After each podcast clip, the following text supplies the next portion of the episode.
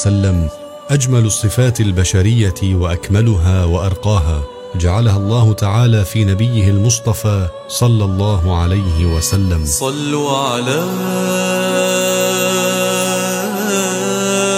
من قد سما. شمائل النبي صلى الله عليه وسلم دعوة كريمة للتعرف بالتفصيل على شمائل واوصاف واخلاق وأحوال النبي الأكرم صلى الله عليه وسلم. الحمد لله رب العالمين له النعمة وله الفضل وله الثناء الحسن صلوات ربي وسلامه على سيدنا محمد وعلى آله وصحبه الطيبين الطاهرين. نكمل إن شاء الله في كتاب شمائل النبي عليه الصلاة والسلام للحافظ أبي عيسى الترمذي رحمه الله تعالى. امضي أكرمك الله. بسم الله والحمد لله وصلى الله وسلم على رسول الله. بالسند إلى الإمام الترمذي رحمه الله قال باب ما جاء في تكأة رسول الله صلى الله عليه وسلم. كيف كان يتكئ النبي عليه الصلاة والسلام؟ إذا كان جالسا فأراد الاتكاء. كيف كان يتكئ؟ مم. قال حدثنا عباس بن محمد الدوري البغدادي. قال حدثنا إسحاق بن عباس منصور. بن محمد الدوري. هذا راوي كتاب التاريخ عن يحيى بن معين. نعم. قال حدثنا إسحاق بن منصور عن إسرائيل عن سماك بن حرب عن جابر بن سمره أنه قال رأيت رسول الله صلى الله عليه وسلم الله عليه متكئا على وسادة على يساره. متكئا على وسادة من جهة اليسار يتكئ على وسادة من جهة اليسار. نعم. وبه قال حدثنا حميد بن مسعدة قال حدثنا بشر بن المفضل قال حدثنا الجريري عن عبد الرحمن بن أبي بكرة عن أبيه أنه قال قال رسول الله صلى, الله, عليه, وسلم, ألا أحدثكم بأكبر الكبائر. قالوا بلى يا رسول الله. قال الإشراك بالله. وعقوق الوالدين. يعني من أكبر الكبائر. الإشراك بالله الأكبر على الإطلاق لأنه كفر. وعقوق الوالدين من أكبر الكبائر. نعم. قال وجلس وكان متكئا. هنا موضع الشاهد. وكان متكئا. إذا النبي عليه الصلاة والسلام كان يتكئ حين يجلس أحيانا إلى وسادة أو نحو ذلك. مم. قال وشهادة الزور. إذ جلس حتى يبين حتى يشد انتباههم ويبين لهم أن ما سيقوله مهم. نعم. أو قول الزور. مم. قال فما زال رسول الله صلى الله عليه صلى الله وسلم عليه يقولها حتى قلنا ليته سكت. حتى تمنوا أن يسكت وذلك منعا للضيق عنه. لأنهم أرادوا أن لا- يستمر على قولها فيتضايق عليه الصلاة والسلام منعا للضيق عنه كراهة لما يزعجه وشفقة عليه لا أنهم تضايقوا من كلامه عليه الصلاة والسلام نعم. وبه قال حدثنا قتيبة بن سعيد قال حدثنا شريك عن علي بن الأقمر قال سمعت أبا جحيفة قال قال رسول الله صلى الله عليه وسلم. أما أنا فلا آكل إيه، متكئا ولم يكن يرضى عليه الصلاة والسلام أن يأكل متكئا. كان يجلس للطعام من غير أن يتكئ لا على شيء إلى يمينه أو يساره ولا على شيء موطأ تحته. ليس ولا على شيء يريحه في القعدة للأكل تحته كشأن الذي يريد أن يكثر من الطعام. نعم. إنما كان يقعد جالسا على قدمه اليسرى ناصبا لقدمه اليمنى فيأكل ثم يقوم عليه الصلاة والسلام. وهذه القعدة تمنع تمنع الإنسان من أن يكثر من الطعام. نعم. وبه قال حدثنا وينبغي أن يعتادها الإنسان ينبغي أن يعتاد أن يأكل على الأرض كما كان النبي عليه الصلاة والسلام يأكل وطعامه على الأرض لأنه إذا أكل وهو جالس على الكرسي يكثر من من من الأكل. ويجلس الجلسة التي ذكرناها يعود نفسه ويعود أولاده على ذلك وهو أقرب للتواضع وأبعد عن الكبر. نعم.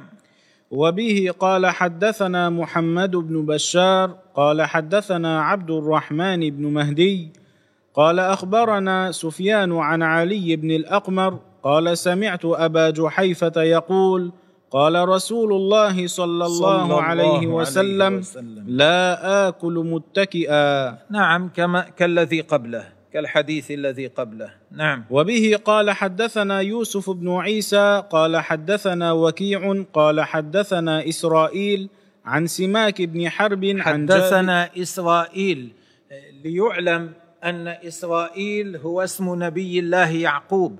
يعقوب يسمى أيضا إسرائيل. نعم. وهذا الاسم كان يسمى به المسلمون يسمي المسلمين المسلمون بعضهم بعضا به فهذا الاسم من حيث هو. لا ينبغي أن يذم.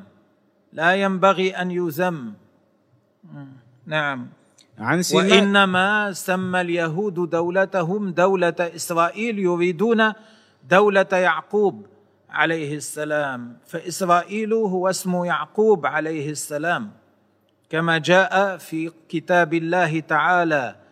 في القرآن وغير ذلك إثبات أن اسمه كان إسرائيل. نعم. فإذا أراد إنسان أن يذم اليهود الذين يحتلون فلسطين يقول يتكلم عنهم باسم الإسرائيليين مثلا أو ما شابه ذلك. وأما إسرائيل فهو اسم نبي الله يعقوب عليه السلام. نعم. عن سماك بن حرب عن جابر بن سمورة أنه قال رأيت النبي صلى, صلى الله, الله عليه, عليه وسلم متكئا على وسادة. نعم. قال أبو عيسى لم يذكر وكيع فيه على يساره. في هذه الرواية لم يذكر على يساره وقبل جاءت رواية فيها ذكر على يساره. نعم. وهكذا رواه غير واحد عن إسرائيل نحو رواية وكيع. ولا نعلم أحدا ذكر فيه على يساره إلا ما روى إسحاق بن منصور عن إسرائيل. هكذا قال الترمذي وهكذا تصور الترمذي أنه لم يذكر أحد لفظ على يساره إلا إسحاق بن منصور في روايته عن إسرائيل. وليس الأمر كذلك بل تابعه عبد الله بن موسى عند الدارمي وعبد الرزاق في مصنفه وغيره أيضا وغيره أيضا تابعه على ذكر اليسار. نعم فروايه اليسار ليست رواية شاذة. باب ما جاء في اتكاء رسول الله صلى الله عليه وسلم. اتكائه أي استناده إلى أحد وهو واقف أو وهو يمشي ونحو ونحو ذلك. نعم. وبه قال حدثنا عبد الله بن عبد الرحمن قال أخبرنا عمرو بن عاصم. وهو واقف وهو يمشي في حال وقوفه أو في حال مشيه ونحو ذلك. وبه قال حدثنا عبد الله بن عبد الرحمن قال أخبرنا عمرو بن عاصم قال حدثنا حماد بن سلمة عن حميد عن أنس أن النبي صلى الله, صلى عليه, الله وسلم عليه وسلم. كان شاكيا. نعم. مريضا يعني. فخرج يتوكأ على أسامة. يستند يتحامل ويستند إلى أسامة بن زيد رضي الله عنهما. وعليه ثوب قطري. شرحنا قبل الثوب القطري معناه الذي هو من صناعة قطر التي هي بلد في البحرين. وبينا أن البحرين في ذلك الزمن اصطلح على تسمية ناحية واسعة به. قد توشح به. توشح به قلنا أخرجه من تحت إبطه الأيمن فجعل طرفه على كتفه الأيسر. فصلى بهم. صلى الله عليه وسلم. نعم. وبه قال حدثنا لما كان النبي عليه الصلاة والسلام مريضا اتكأ آه، على أسامة. نعم. وبه قال حدثنا عبد الله بن عبد الرحمن قال أخبرنا محمد بن المبارك قال حدثنا عطاء بن مسلم الخفاف الحلبي قال حدثنا جعفر بن برقان عن عطاء بن أبي رباح. عطاء بن أبي رباح قول ابن أبي رباح انتقده بعض الحفاظ. قال عن عطاء هذا هو الصواب من غير ذكر ابن أبي رباح. مم.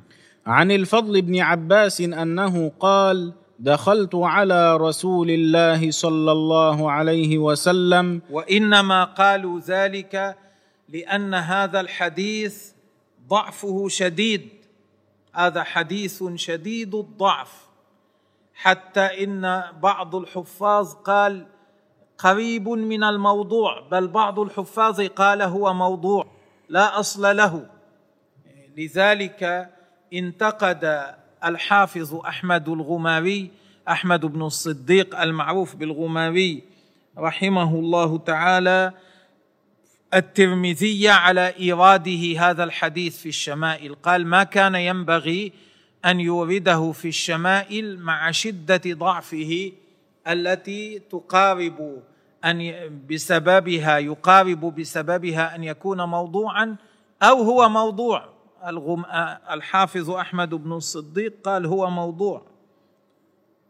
نعم. ومع ذلك نقرأه. لكن ليعلم أن هذا الحديث لا ينبغي أن يروى. نعم. قال دخلت على رسول الله صلى الله عليه وسلم في مرضه الذي توفي فيه وعلى رأسه عصابة صفراء. إيه يعني خرقه عمامة أو خرقه يلف بها رأسه. فسلمت عليه فقال يا فضل قلت لبيك يا رسول الله. قال اشدد بهذه العصابة رأسي. قال ففعلت. ثم قعد فوضع كفه على منكبي. ثم قام فدخل في المسجد وفي الحديث قصة. وكل هذا لم يحصل لم يحصل شيء من هذا. إنما هو تركيب وافتراء. نعم. باب ما جاء في صفة أكل رسول الله صلى الله عليه وسلم. نعم. كيف كان يأكل عليه الصلاة والسلام؟ ماذا كان يأكل وكيف كان يأكل؟ نعم. وبه قال حدثنا محمد بن بشار قال حدثنا عبد الرحمن بن مهدي عن سفيان عن سعد بن إبراهيم عن ابن كعب بن مالك عن أبيه أن النبي صلى الله عليه وسلم كان يلعق أصابعه ثلاثا. كان يلعق أصابعه ثلاث مرات. يلعق أصابعه يلحس يأخذ ما عليها من بقايا الطعام. يبدأ بالوسطى ثم المسبحه ثم الإبهام. نعم. قال أبو عيسى وروى غير محمد بن بشار هذا الحديث. قال كان يلعق أصابعه الثلاث. نعم. وبه و- قال- و وأنا أعجب من بعض الناس إذا رأوا إنسانا يفعل ذلك يتقززون. وبقايا الطعام عجيب بقايا الطعام التي على أصابعهم هي نفس الطعام الذي أكلوه. فمن أي شيء التقزز؟ وهذا كان يفعله النبي عليه الصلاة والسلام. ولا أدب أعلى من أدبه عليه الصلاة والسلام. لا أدب قط. أعلى من أدبه. رضي بهذا من رضي وأبى من أبى. كما جاء في الحديث لا يؤمن أحدكم حتى يكون هواه تبعا لما جئت به. صلى الله عليه وسلم. آه امضي. وبه قال حدثنا الحسن بن علي الخلال قال حدثنا عفان قال حدثنا حماد بن سلمة عن ثابت عن أنس أنه قال كان النبي صلى الله عليه وسلم الله إذا عليه أكل طعاما لعق أصابعه الثلاث. نعم. ولم يكن يستعمل في الأكل إلا أصابعه الثلاثة الإبهام والمسبحه والوسطى ولا يستعمل غيرها. وهكذا ينبغي للمسلم إذا أكل الا يستعمل في أكله إلا هذه الثلاثة. إلا ما كان لا يكفي فيه هذه الثلاثة. لكن ينبغي أن يقتصر ما استطاع على هذه الثلاثة في الطعام في الأكل. نعم. وبه قال حدثنا الحسين بن علي بن يزيد الصدائي البغدادي. قال حدثنا يعقوب بن إسحاق يعني الحضرمي. قال حدثنا شعبة عن سفيان الثوري عن علي بن الأقمر عن أبي جحيفة أنه قال قال النبي صلى الله عليه وسلم أما أنا فلا آكل متكئا. وهذا تقدم أعاده هنا لبيان أنه كان عليه الصلاة والسلام إذا أكل لا يتكئ. نعم لا يتكئ على شيء إلى جانبه ولا يجعل تحته شيئا موطئا. نعم. وبه قال حدثنا محمد بن بشار قال حدثنا عبد الرحمن بن مهدي قال حدثنا سفيان عن علي بن الأقمر نحوه.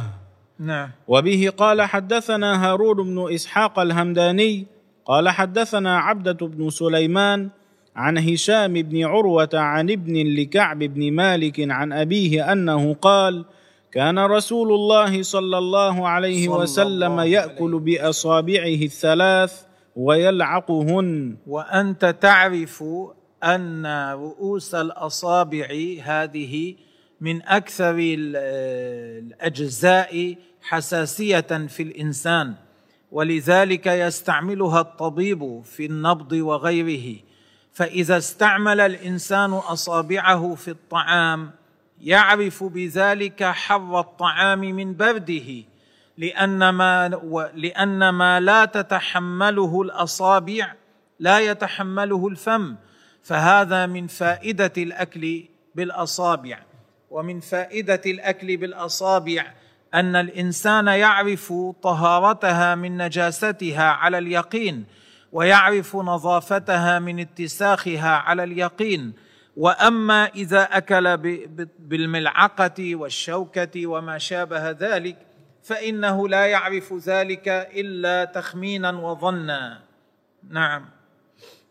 وبه كان بعض بعض الناس بعض المسلمين كلمه بعض آه، أهل إنسان في دولة من الدول الغربية مع أن أهل هذه الدولة كثيرا ما ياكلون يأكلون بأصابعهم. لكن هذا الإنسان قال له لماذا تأكل بأصابعك ولا تأكل بالملعقة أو بالشوكة. فقال له لأنني متأكد من طهارة أصابعي ونظافتها ولست متأكدا من ذاك. فأسكته. ما عاد له كلام ما وجد كلاما يقوله. نعم. وبه قال حدثنا أحمد بن منيع قال حدثنا الفضل بن دكين قال حدثنا مصعب بن سليم قال سمعت أنس بن مالك يقول أتي رسول الله صلى الله عليه وسلم بتمر. فرأيته يأكل وهو مقع من الجوع. إيه معنى مقع يعني وهو جالس على وركيه. جالس على وركيه ليس على الأرض على وركيه وهو مستوفز كأنه يريد أن يقوم. فأكل من من التمر آه، أكل من التمر وهو على هذه الحال صلى الله عليه وسلم. نعم. باب ما جاء في ص- هذا ومن كان يأكل من كان يأكل العراق العراق وهو العظم بلحمه. من كان يأكل العراق فإذا أراد مذهب التواضع فليأكل العراق بيده ليمسكه بأصابعه وليأكله نهسا بأسنانه فإن هذا مذهب التواضع. ومن أراد أن يأكله بغير هذا من أراد أن يقطعه بالسكين ويأكله مستعملا السكين أو ما شابهها حتى لا يباشر اللحم بأصابعه ولا بشفتيه ولا بنحو ذلك فإنه يكون بهذا على غير مذهب المتواضعين مقلدا للأعاجم. وليس هذا حراما أن يأكل وليس استعمال السكين حراما وليس استعمال ما شابه ذلك حراما. لكن من أراد مذهب التواضع فليأكل العراق كما كان يأكله رسول الله صلى الله عليه وسلم مستعملا أصابعه ينهس منه بأسنانه فإن هذا لا مخالفة للأدب فيه ولا فيه ما يخرج بالإنسان عن أن يكون على هيئة مقبولة وعلى حال مقبولة إلا عند من كان من أهل الكبر ومن كان يقدم عادات الأعاجم على عادات سيد الناس محمد عليه الصلاة والسلام. ومن كان كذلك فلا اعتبار بقوله ولا اعتبار برأيه. نعم امضي. باب ما جاء في صفة خبز رسول الله صلى الله عليه وسلم. صلى الله عليه وسلم. وبه قال حدثنا محمد بن المثنى ومحمد هذا بن بشار. هذا الباب معقود لبيان الخبز الذي كان يأكله عليه الصلاة والسلام كيف كان ومن أي شيء عمل إلى غير ذلك. قال وبه قال حدثنا محمد بن المثنى ومحمد بن بشار قالا حدثنا محمد بن جعفر قال حدثنا شعبة عن أبي إسحاق قال سمعت عبد الرحمن بن يزيد يحدث عن الأسود بن يزيد عن عائشة رضي الله عنها أنها قالت ما شبع آل محمد صلى الله عليه وسلم من خبز الشعير يومين متتابعين حتى قبض رسول الله صلى الله عليه صلى الله وسلم. عليه وسلم لم يشبع رسول الله ولا أهل بيته من خبز الشعير ليس خبز القمح بل من خبز الشعير يومين متتاليين. يفهم من هذا أنه كان إذا كفاهم خبز الشعير يوما لم يكفهم في اليوم الثاني في اليوم الذي يليه مم. وبه قال حدثنا عباس بن محمد الدوري قال حدثنا يحيى بن أبي بكير قال حدثنا حريز بن عثمان عن سليم بن عامر قال سمعت أبا أمامة يقول ما كان يفضل عن أهل بيت رسول الله صلى, صلى الله الله عليه وسلم خبز الشعير. الخبز ما كان يزيد فغيره بالأولى أنه ما كان يزيد عن حاجتهم. بخلاف ما يفعله كثير من الناس أنهم يطبخون زيادة عن حاجتهم ثم يرمون الزائد ولو أنهم أكلوا طبخوا بقدر حاجتهم وأكلوا حاجتهم وتصدقوا بكلفة هذا الزائد الذي يرمونه لكان خيرا لهم. أو لو أنهم قسموا ما يطبخونه بينهم وبين أهل بيت من أهل الحاجة والفقر لكان خيرا لهم عند الله تعالى. نعم.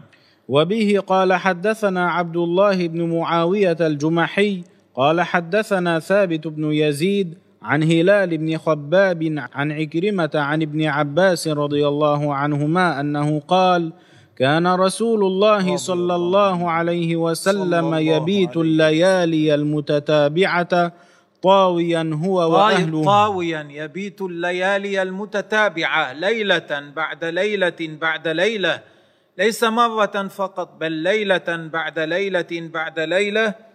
طاويا يعني خالي البطن جائعا خالي المعدة جائعا. نعم.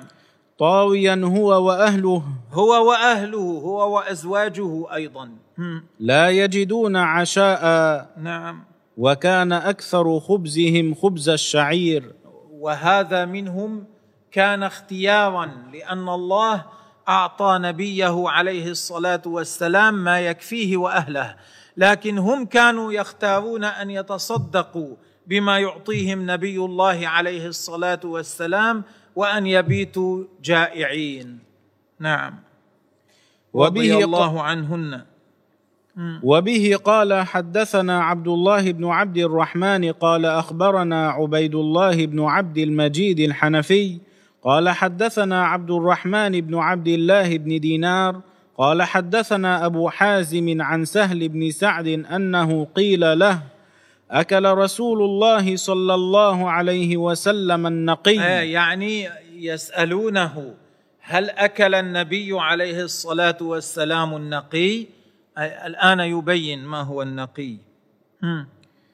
قيل له أكل رسول الله صلى الله عليه وسلم النقي؟ يعني الحوارى النقي يعني الحوارى يعني الخبز الذي نقي ونخل مرة بعد مرة حتى صار أبيض حتى صار الطحين أبيض.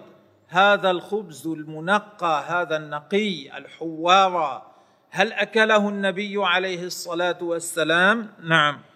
فقال سهل ما رأى رسول الله صلى الله عليه وسلم النقي حتى لقي الله تعالى. ما رآه بعينيه فضلا عن أن يأكله. ما رآه رؤية. فكيف بأكله؟ معناه ما أكل النقية إلى أن مات. فقيل له هل كانت لكم مناخل على عهد رسول الله صلى الله عليه وسلم؟ هل كان عندكم غرابيل؟ تنخلون بها الشعير الطحين. قال لا ما كانت لنا مناخل. فقيل كيف كنتم تصنعون بالشعير؟ إيه، الشعير فيه الناعم والخشن وفيه القشر وكيف كنتم تصنعون إذا إذا طحن الشعير. قال كنا ننفخه فيطير منه ما طار ثم نعجنه. ننفخه. نخرج الهواء من فمنا يطير ما يطير والباقي نعجنه الله هذا الخبز الذي كان يأكله نبي الله عليه الصلاة والسلام وأصحابه رضي الله عنهم. ولو قدم لبعض الناس منا ما أظن يأكله بل لكثير من الناس امضي مم. وبه قال حدثنا محمد بن بشار قال حدثنا معاذ بن هشام قال حدثني أبي عن يونس عن قتادة عن أنس بن مالك أنه قال ما أكل نبي الله صلى الله صلى عليه الله وسلم على خوان. الخوان هو الطا- الطاولة المنخفضة التي رجلها قصيرة. حتى على طاولة قصيرة الرجل ما أكل النبي عليه الصلاة والسلام قط أبدا. مرة ما أكل. ولا في سكرجة. أيضا ما أكل في سكرجة. السكرجة هي الطبق الصغير الذي يوضع على مع مع الطعام على المائدة ويوضع فيه المقبلات وما يسهل الهضم وما شابه ذلك. ما كانوا يحتاجون إلى هذه الأطباق الصغيرة لأنهم كانوا يأكلون من طبق واحد. وهذا الصغير ماذا يسع؟ وما كانوا يأكلون المقبلات ولا المسهلات. أصلا ما كانوا يكثرون الطعام حتى يحتاجوا إليها. مم. ولا خبز له مرقق. ولا خبز له خبز ملين مرقق. نعم. قال فقلت لقتادة فعلى ما كانوا يأكلون؟ اذا على أي شيء كانوا يضعون طعام ليأكلوا؟ قال على هذه السفر. على السفرة على قطعة الجلد. النطع وما شابه ذلك قطعة الجلد التي توضع على الأرض فيوضع عليها الطعام. وبه قال حدثنا محمد بن بشار قال يونس الذي روى عن قتادة هو يونس الإسكاف. نعم. وبه قال حدثنا أحمد بن منيع قال حدثنا عباد بن عباد المهلبي عن مجالد عن الشعبي عن مسروق أنه قال دخلت على عائشة رضي الله عنها رضي الله عنه فدعت لي بطعام. إيه قالت قدموا طعاما لمسروق. مم. وقالت ما أشبع من طعام فأشاء أن أبكي. إلا بكيت. كل مرة أشبع من طعام ما أشاء. لو أردت أن أبكي لبكيت. كل مرة. مم. قال قلت مم. قالت أذكر الحال التي فارق عليها رسول الله صلى الله عليه وسلم الدنيا. نعم. والله ما شبع من خبز ولا لحم مرتين في يوم. يعني إذا أكل كفاية أول مرة المرة الثانية لا لا يأكل الكفاية. وبالعكس ما أكل كفايته مرتين في يوم. وكان عليه الصلاة والسلام لا يزيد عن مرتين في الأكل في اليوم. وبه قال حدثنا محمود بن غيلان قال حدثنا أبو داود قال حدثنا شعبة عن أبي إسحاق أنه قال سمعت عبد الرحمن بن يزيد يحدث عن الأسود عن أنها الله قالت ما شبع رسول الله صلى الله عليه وسلم من خبز. الشعير يومين متتابعين حتى قبض صلى الله عليه وسلم. وهذا تقدم. وبه قال حدثنا عبد الله بن عبد الرحمن. قال أخبرنا عبد الله بن عمرو أبو معمر قال حدثنا عبد الوارث عن سعيد بن أبي عروبة عن قتادة عن أنس أنه قال ما أكل رسول الله صلى الله عليه وسلم على خوان. ولا أكل خبزا مرققا حتى مات عليه الصلاة والسلام وهذا أيضا تقدم صلى الله على سيدي رسول الله وسلم والله تبارك وتعالى أعلم.